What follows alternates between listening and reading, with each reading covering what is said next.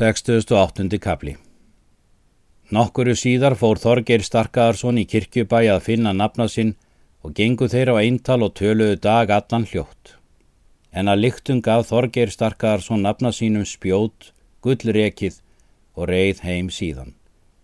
Gerðu þeir með sér hinn að kærustu vináttu.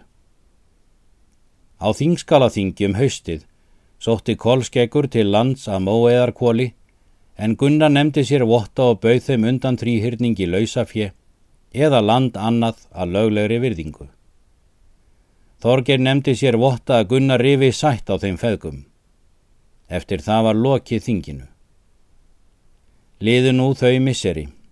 Finnast þeir nafnar jafnan og eru með þeim hinnir mestu dáleikar. Kolskeggur mælti til Gunnars.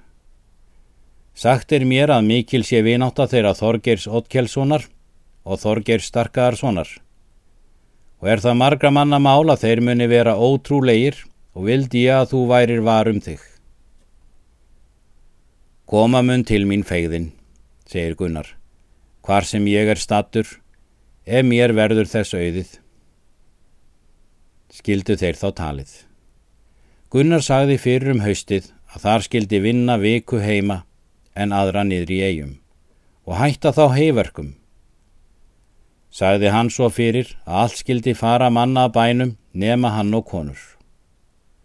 Þorgir undan tríhyrningi fer að finna nafna sinn, en þegar er þeir fundust töluðu þeir að vanda sínum. Þorgir Starkarsson mælti. Ég vildi að við herðum okkur og færum að Gunnari.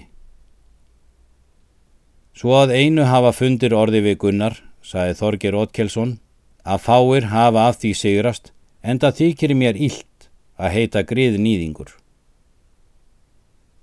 Þeir hafa rofið sættin en við eigi, segir Þorgir Starkaðarsson. Tók Gunnar af þér sálan þitt, en móiðar kól af okkur feðgum? Nú semja þeir það með sér að fara að Gunnari. Segir þá Þorgir Starkaðarsson að Gunnar myndi á fáranátt að fresti einn heima vera. Skalt þú koma við hinn tólta mann til mótsvið mig en ég mun hafa jafn marga. Síðan reið Þorgir heim.